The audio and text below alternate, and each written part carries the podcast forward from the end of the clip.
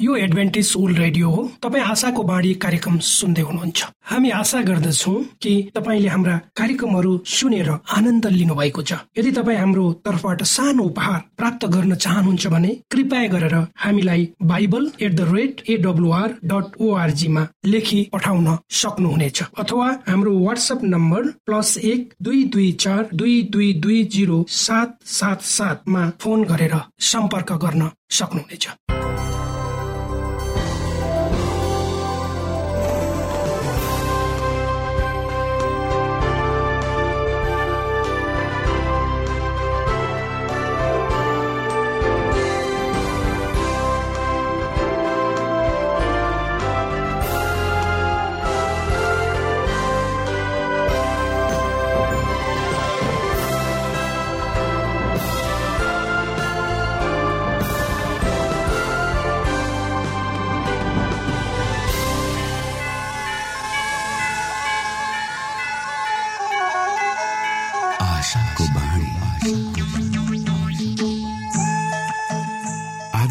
श्रोता नमस्कार। यो समय तपाईँ एडभेन्टिस्ट ओल्ड रेडियोको प्रस्तुति भोइस अफ होप आशाको बाणी कार्यक्रम सुन्दै हुनुहुन्छ।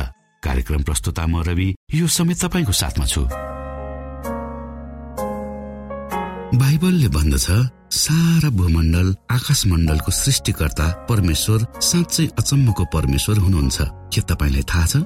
यस्तो सारा जगतको अधिपत्य परमेश्वर मानिस जातिले बुबा भनी बोलाएको रुचाउनुहुन्छ?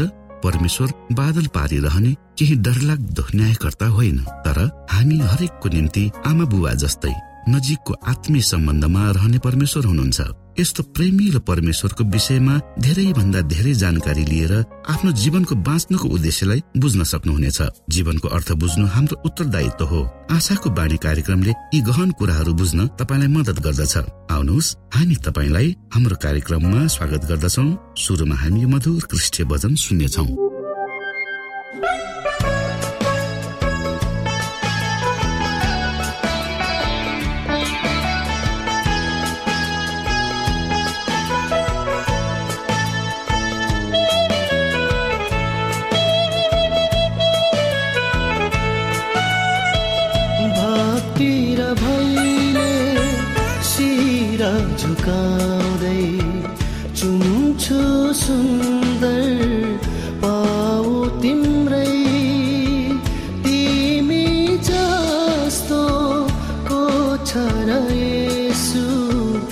प्रशंसाका योग्य प्रभु।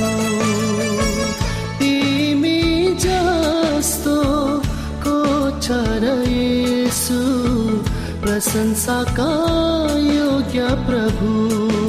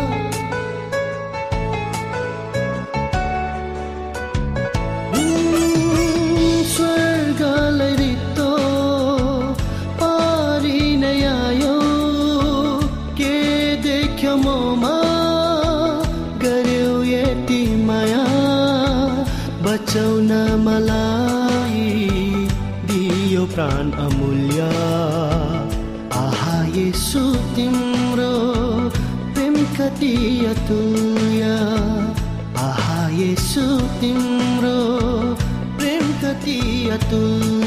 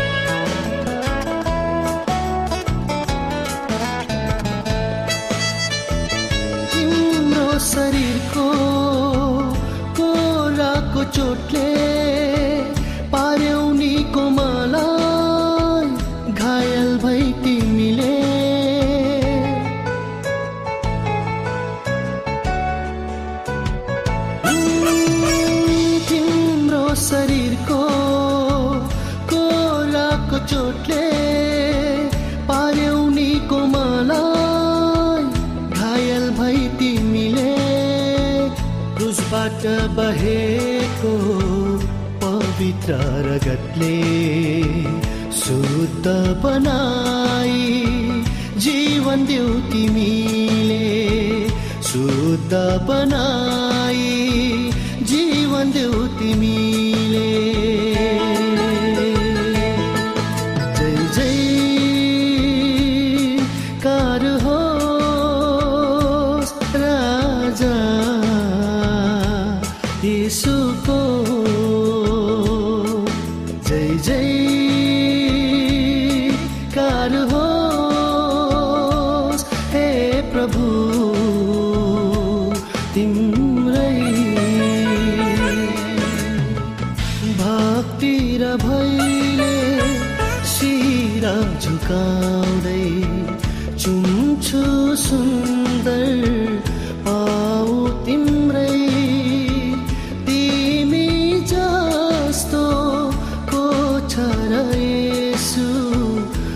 प्रशंसाका योग्य प्रभु। तिमी जस्तो को यो समय तपाईँ एडभेन्टिस्ट ओल्ड रेडियोको प्रस्तुति भोइस अफ होप आशाको बाणी कार्यक्रम सुन्दै हुनुहुन्छ। श्रोता मित्र यो समय हामी पास्टर उमेश पोखरेलबाट आजको बाइबल सन्देश सुन्नेछौ। श्रोता साथी न्यानो क्रिस्टीय अभिवादन साथ म तपाईँको आफ्नै मित्र तपाईँले मलाई दाजु भन्न सक्नुहुन्छ आफ्नो भाइ भन्न सक्नुहुन्छ छोरो भन्न सक्नुहुन्छ नाति भन्न सक्नुहुन्छ काका भन्न सक्नुहुन्छ पास्टर उमेश पोखरेल परमेश्वरको वचन लिएर पुनः तपाईँहरूको सामु उपस्थित भएको छु। मलाई आशा छ तपाईँका जीवनका पाइलाहरू निरन्तर रूपमा परमेश्वरको अगुवाईमा अगाडि बढ्दैछन्। आउनुहोस् आजको प्रस्तुतिलाई अगाडि बढाउनु भन्दा पहिले हामी परमेश्वरमा अगुवाईको लागि प्रार्थना गरौँ। जीवित जिउँदो महान दयालु परमेश्वर प्रभु यीशु हामी धन्यवादी छौँ। यो जीवन र जीवनमा दिनुभएका प्रशस्त आशिषहरूको लागि। प्रभु यो रेडियो कार्यक्रमलाई म तपाईँको हातमा राख्दछु। यसलाई तपाईँको राज्य महिमाको प्रचारको खातिर निरन्तर रूपमा देशका कुना कुनामा र संसारमा पुर्याउनुहोस्। सबै बिन्ती प्रभु यीशुको नाममा आमेन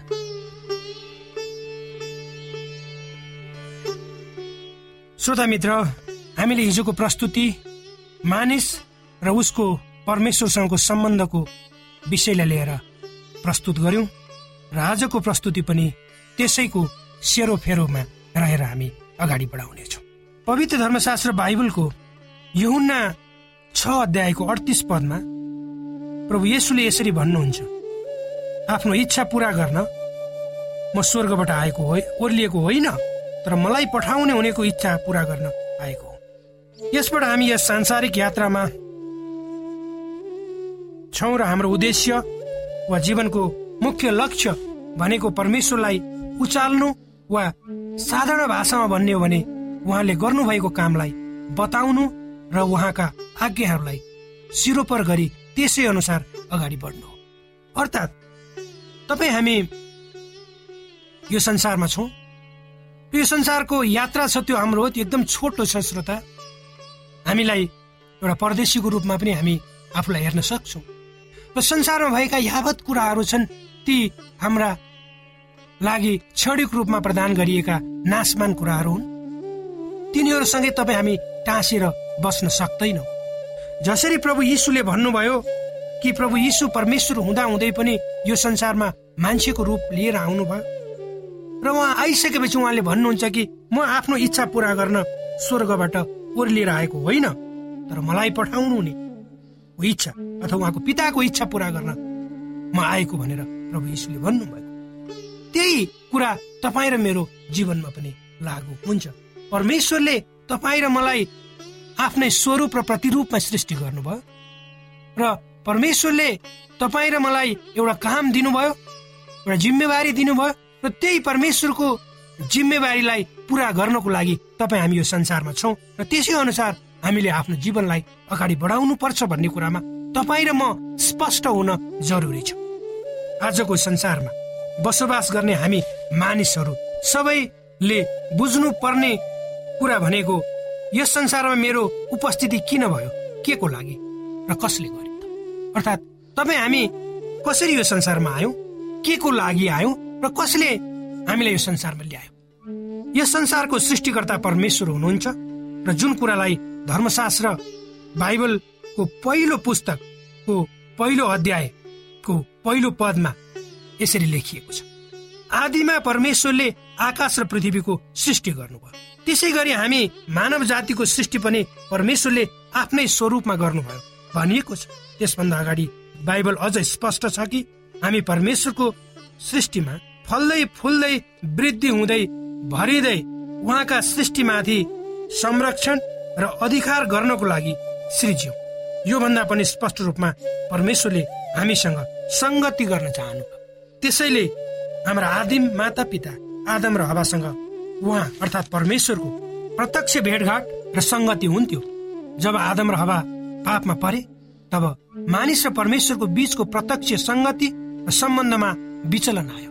अथवा त्यहाँ पाप आयो जसले मानिस र परमेश्वर बीच ठुलो खाडल सृजना गर्यो। त्यति हुँदा पनि परमेश्वरले मानिसलाई त्याग्नु भएन र उहाँ मानिसको निम्ति उद्धारको योजना बनाउनु भयो र त्यही कुरालाई पवित्र धर्मशास्त्र बाइबलको यहुन्ना तीन अध्यायको स्वरमा यसरी लेखिएको छ। हामी आउनुहोस् हामी पढौँ। यहुन्ना तीन अध्यायको स्वर पद यहाँ यसमा लेखिएको छ किनभने परमेश्वरले संसारलाई यस्तो प्रेम गर्नुभयो कि उहाँले आफ्ना एक मात्र पुत्र दिनुभयो ताकि उहाँमाथि विश्वास गर्ने कोही पनि नाश नहोस् तर त्यसले अनन्त जीवन श्रोता साथी किन परमेश्वरले तपाईँ र मेरो खातिर आफ्नो एक मात्र पुत्र दिनुभयो? त यो विषयमा तपाईँले कहिले गम्भीर भएर सोच्नु भएको छ त? अर्थात् परमेश्वरले आफ्नो एक लौते पुत्र तपाईँको खातिर यो संसारलाई दिनुभयो भन्ने कुरा तपाईँले आजभन्दा पहिले सुन्नु भएको थियो त? प्रभु येसु जो परमेश्वर हुनुहुन्छ वा मानिस भएर जन्मनुहुन्छ। तपाईँ हामी चाहिँ उहाँ हुर्कनुहुन्छ। र तपाईँ र मैले भोग्नु पर्ने पापको ज्याला पापको ज्याला मृत्यु भनेर पवित्र धर्मशास्त्र बाइबलले व्याख्या गर्दछ। तपाईँ र मैले भोग्नु पर्ने पापको ज्याला जुन मृत्यु हो भने धर्मशास्त्रले भन्छ उक्त मृत्युलाई उहाँले सहर्ष रूपमा क्रुसमा स्वीकार गर्नुहुन्छ र आफ्नो प्राण दिनुहुन्छ। किनकि यो सबै उहाँ हाम्रो पिता भएको वा सृष्टिकर्ता भएको कारणले नै हो। उहाँको आफ्नो सृष्टिप्रतिको अतुलनीय प्रेमको प्रस्फुटन हामी कलवरीको क्रुसमा पाउँछौँ। यद्यपि क्रुसको दर्दनाक मृत्यु कतिको भयानक र क्रूर थियो त्यो क्रुसमा प्रभु येसुले भोग्नु भएको क्षणलाई निहाल्यौँ भने हामी सहजै अनुमान गर्न सक्छौँ। श्रोता मित्र प्रभु यीशु क्रिस कुनै दन्त्य कथा हुनुहुन्न। प्रभु यीशु क्रिसले मानव जातिको लागि त्यो कलवरी क्रुसमा बगाउनु भएको रगत कुनै मन गणन्ते कथा होइन। यो इतिहासले प्रमाणित गरेको कुरा र के तपाईँले कहिले सोच्नु भएको छ? प्रभु यीशुले आफ्नो जीवन तपाईँको लागि तपाईँको लागि मात्रै दिनुभयो। तपाईँको उद्धारको लागि उहाँले आफ्नो जीवन त्यो क्रुसमा आहुति गर्नुभयो। क्रुसको दर्दनाक मृत्युलाई त्यो कष्टप्रद मृत्युलाई उहाँले सहर्ष रूपमा स्वीकार। यदि तपाईँ र मैले परमेश्वरको प्रेमलाई परमेश्वरको त्यागलाई परमेश्वरको बलिदानलाई बुझ्न सक्यौँ भने। अर्थात् यदि तपाईँ र मेरो जीवन यो शरीरका नसा नसामा परमेश्वरको प्रेम परमेश्वरको त्याग र बलिदानका कुराहरू त्यो रगतमा सिन्चिन सके भने रगतमा बग्न सके भने अनि मात्र तपाईँ र मैले परमेश्वर र मानिस बीचको सम्बन्धको त्यो मिठो गहिराईलाई हामीले पत्ता लगाउन सक्छौँ। अर्थात् त्यो गहिराईसम्म पुग्न सक्छौँ। परमेश्वर प्रेमिलो परमेश्वर हुनुहुन्छ। परमेश्वर सदाशै परमेश्वर हुनुहुन्छ। परमेश्वर गुनिलो हुनुहुन्छ। र तपाईँ र मेरो खातिर आफ्नो प्राण पनि उहाँले आहुति गर्नु भयो के त्यस्तो परमेश्वरलाई तपाईँ स्वीकार गर्न चाहनुहुन्न? के त्यस्तो परमेश्वरलाई तपाईँ चिन्न चाहनुहुन्न? के त्यस्तो परमेश्वरले भन्नुभएको कुरालाई तपाईँ आत्मसात गरेर उहाँको इच्छा अनुसारको जीवन तपाईँ जिउन चाहनुहुन्न। परमेश्वरले तपाईँ र मलाई तपाईँ र मेरो हृदय रूपी ढोकामा आएर ढकढकाइरहनु भएको छ श्रोता।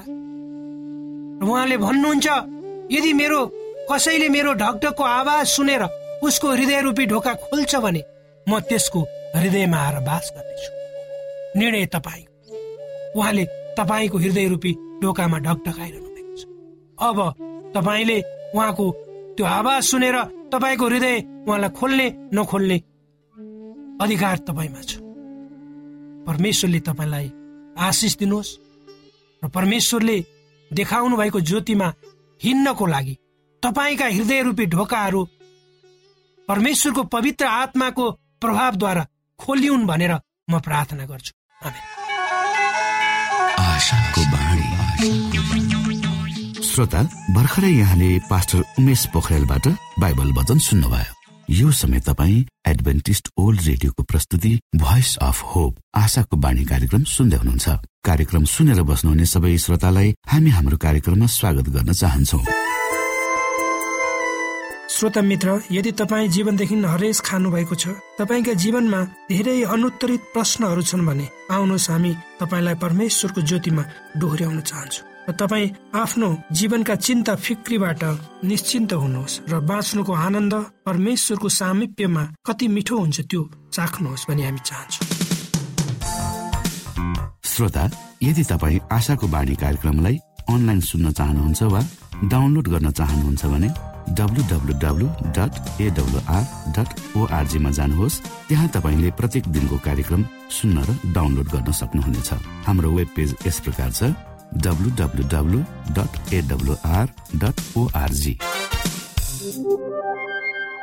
श्रोता यदि तपाईँ हामीसित सिधै फोनमा सम्पर्क गर्न चाहनुहुन्छ भने हाम्रा नम्बरहरू यस प्रकार छन्।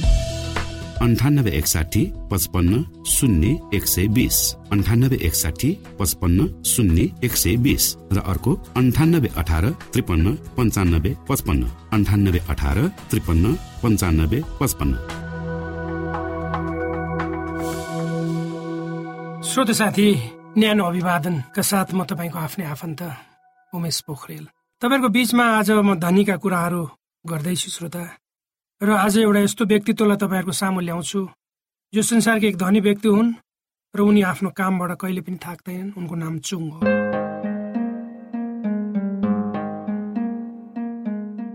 उमेरले उनी सतहत्तर वर्षका छन् तर उनको काम गराई धेरैका लागि चुनौती हुन सक्छ। वृद्ध शैलीमा धेरैको चाहना आकाशमा जाने हुन्छ। उनी भने दिनरात आफू संलग्न कम्पनीका लागि खटिरहेका भेटिन्छन्। केही एसियाली मुलुकहरूमा बालकहरू किशोरै नभनी एकैपटक वृद्ध बन्ने अवस्था छ। तर पाको उमेर भइसक्दा पनि धेरै युवाहरूलाई मात गर्ने गरी सक्रिय हुनु भनेको चान्चुने कुरा होइन। दक्षिण कोरियाली नागरिक चुङ मोङकु त्यस्तै व्यक्तिहरूमध्ये एक व्यक्ति हुन् श्रोता। जसले विश्राम कहिले पनि रुचाउँदैनन्। उन्नाइस मार्च उन्नाइस सय अडतिसमा दक्षिण कोरियाको याङ गवन प्राङको टच चोन काउन्टीमा उनको जन्म भएको थियो। दक्षिण कोरियाको सबैभन्दा ठुलो र विश्वको पाँचौं सर्वाधिक कार उत्पादन गर्ने हुन्डाई मोटर ग्रुपका उनी अध्यक्ष हुन्। चुङले मोङकुले क्युडब हाई स्कुलबाट प्रारम्भिक शिक्षा हासिल गरी।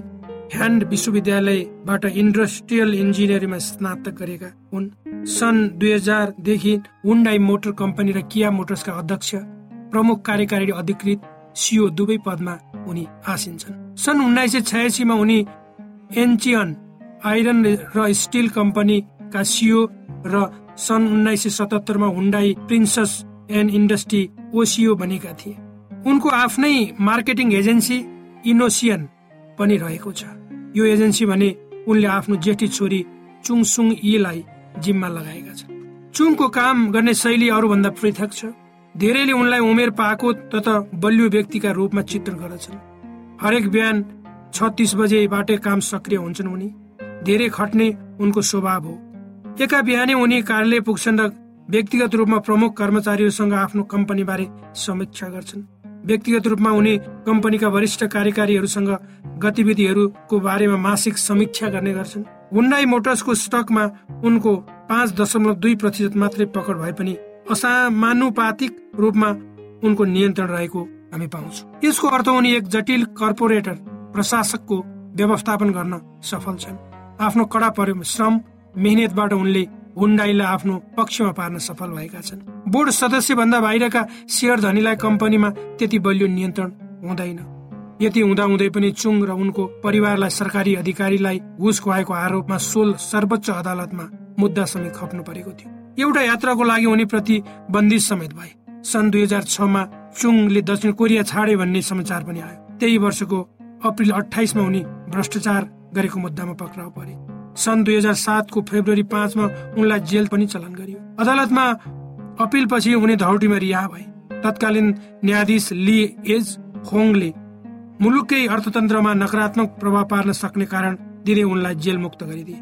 दक्षिण कोरियाको कानून अनुसार तीन वर्ष जेलमै बस्नु पर्ने भए पनि अदालतले उनलाई यो सजाय नसुनाई सामुदायिक सेवाको लागि काम गर्ने च्यारिटीलाई एक अर्ब अमेरिकी डलर दान गर्नुपर्ने फैसला सुनाएको थियो।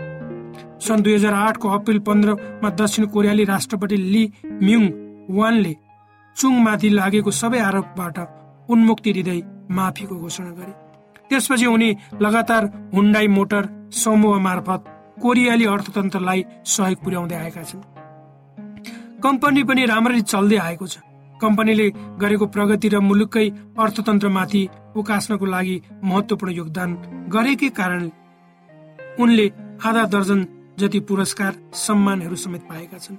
उनले पाएको प्रमुख पुरस्कार र सम्मानहरू मध्ये the Korean सोसाइटीको James A. Van Fleet award दुई हजार नौ पनि रहेको छ। फोर्स पत्रिकाका अनुसार सन् दुई हजार सोह्र जनवरी आठ रियल टाइमसम्म चुङको कुल सम्पत्ति चार दशमलव तीन अरब अमेरिकी डलर रहेको छ।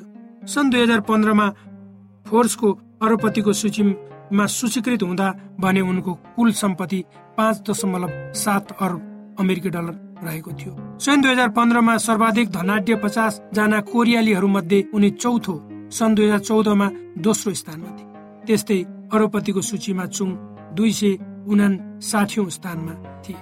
विश्वकै सर्वाधिक ठुलो अटो मेकर कम्पनी मध्ये पाँचौं स्थानमा रहेको हुन्डाई मोटर्स कम्पनी किया मोटर्ससँग मिलेर सन् दुई हजार चौधमा आठ मिलियन सवारी साधन बेचेको थियो। किसान परिवारमा जन्मेका उनी चुङ जु युङ माइलो छोरा हुन्। कोरियाली युद्ध पनि उनका बुबा अमेरिकी सैनिकका ट्रकहरूको मरमतमा संलग्न थिए। त्यसै क्रममा सवारी साधनहरूको एसेम्बलिङ गर्दै हुन्डाई कम्पनीमा लगानी गरियो। त्यही कम्पनीका उत्पादनहरू आज विश्व बजारमा लोकप्रिय छन्। चुङका चार सन्तान छन्। श्रोता यो भयो एक धनीको कहानी वास्तविक कथा र यसलाई मैले कान्तिपुरबाट साभार गरिएको जसलाई दिनेश यादवले लेख्नु भएको छ। आदरणीय मित्र बाइबलले बताएको छ परमेश्वरले तिर्खाकाहरूलाई तृप्त पार्नुहुन्छ र भोकालाई उत्तम पदार्थले सन्तुष्ट पार्नुहुन्छ। हामीलाई दिइएको यो छोटो समय आशाको बाणीको प्रस्तुतिको समयमा हामीले हाम्रा श्रोताको आत्मिक भोकलाई केही मात्रामा भए तापनि सही प्रकारको खोराक पस्केर आत्मिक सन्तुष्टि दिन सकेका छौँ केही ऊर्जा थप्न सकेका छौँ भनेर हामीले आशा राखेका छौँ। आफ्ना मनमा भएका केही दुविधा र शङ्काहरू छन् भने अवश्य हामीसँग बाँडेर शङ्काको निवारण गर्नुहुनेछ र सही प्रकारको बाटो पहिल्याउन सक्नुहुनेछ परमेश्वरको सच्चाइले अझ राम्रो बुझ्न सक्नुहुनेछ र आफ्नो जीवनलाई परमेश्वरमा पूर्ण समर्पित भएर समर्पण सहितको जीवन बिताउन सक्नुहुनेछ भनेर आशा राख्दै अब हामी हाम्रो कार्यक्रम सकिएको जानकारी यहाँलाई गराउन चाहन्छौ। जानुभन्दा अगाडि श्रोता हामी यहाँलाई हाम्रो ठेगानाको विषयमा जानकारी गरौं। हामीसँग पत्राचार गर्ने हाम्रो ठेगाना यस प्रकार छ। आशाको बाणी पोस्ट बक्स नम्बर दुई शून्य शून्य शून्य दुई काठमाडौँ नेपाल। आशाको बाणी पोस्ट बक्स नम्बर दुई शून्य शून्य शून्य दुई काठमाडौँ नेपाल। यसै गरी श्रोता यदि तपाईँ हामीसँग सिधै कुराकानी गर्न चाहनुहुन्छ भने हाम्रो फोन नम्बर यस प्रकार छ अन्ठानब्बे एकसाठी पचपन्न शून्य एक सय बिस। अन्ठानब्बे एकसाठी पचपन्न शून्य एक सय बिस। र अर्को अन्ठानब्बे अठार त्रिपन्न पन्चानब्बे पचपन्न। अन्ठानब्बे अठार त्रिपन्न पन्चानब्बे पचपन्न। हामीलाई इमेल पनि गर्न सक्नुहुन्छ। हाम्रो इमेल एड्रेस यस प्रकार छ Nepal at AWR dot org Nepal at AWR dot org यदि तपाईँ हामीलाई अनलाइन सुन्न चाहनुहुन्छ वा डाउनलोड गर्न चाहनुहुन्छ भने तपाईँ W W W dot AWR dot ओआरजीमा जानुहोस् र त्यहाँ तपाईँले हाम्रा सबै कार्यक्रमहरू सुन्न सक्नुहुनेछ। हाम्रो वेब पेज यस प्रकार छ W W W dot AWR dot org श्रोता यसमा गएर तपाईँले हाम्रा दैनिक कार्यक्रमलाई सुन्न सक्नुहुनेछ र डाउनलोड पनि गर्न सक्नुहुनेछ। हवस् त श्रोता हाम्रो कार्यक्रम सुनिदिनु भएकोमा एकचोटि फेरि यहाँलाई धन्यवाद दिँदै भोलि फेरि यही स्टेशन यही समयमा यहाँसँग भेट्ने आशा राख्दै प्राविधिक साथी राजेश पास्टर उमेश पोखरेल र कार्यक्रम प्रस्तुता म रवि यहाँसँग विदा माग्दछौ। परमेश्वरले तपाईँलाई धेरै धेरै आशिष दिनु भएको होस्। नमस्कार।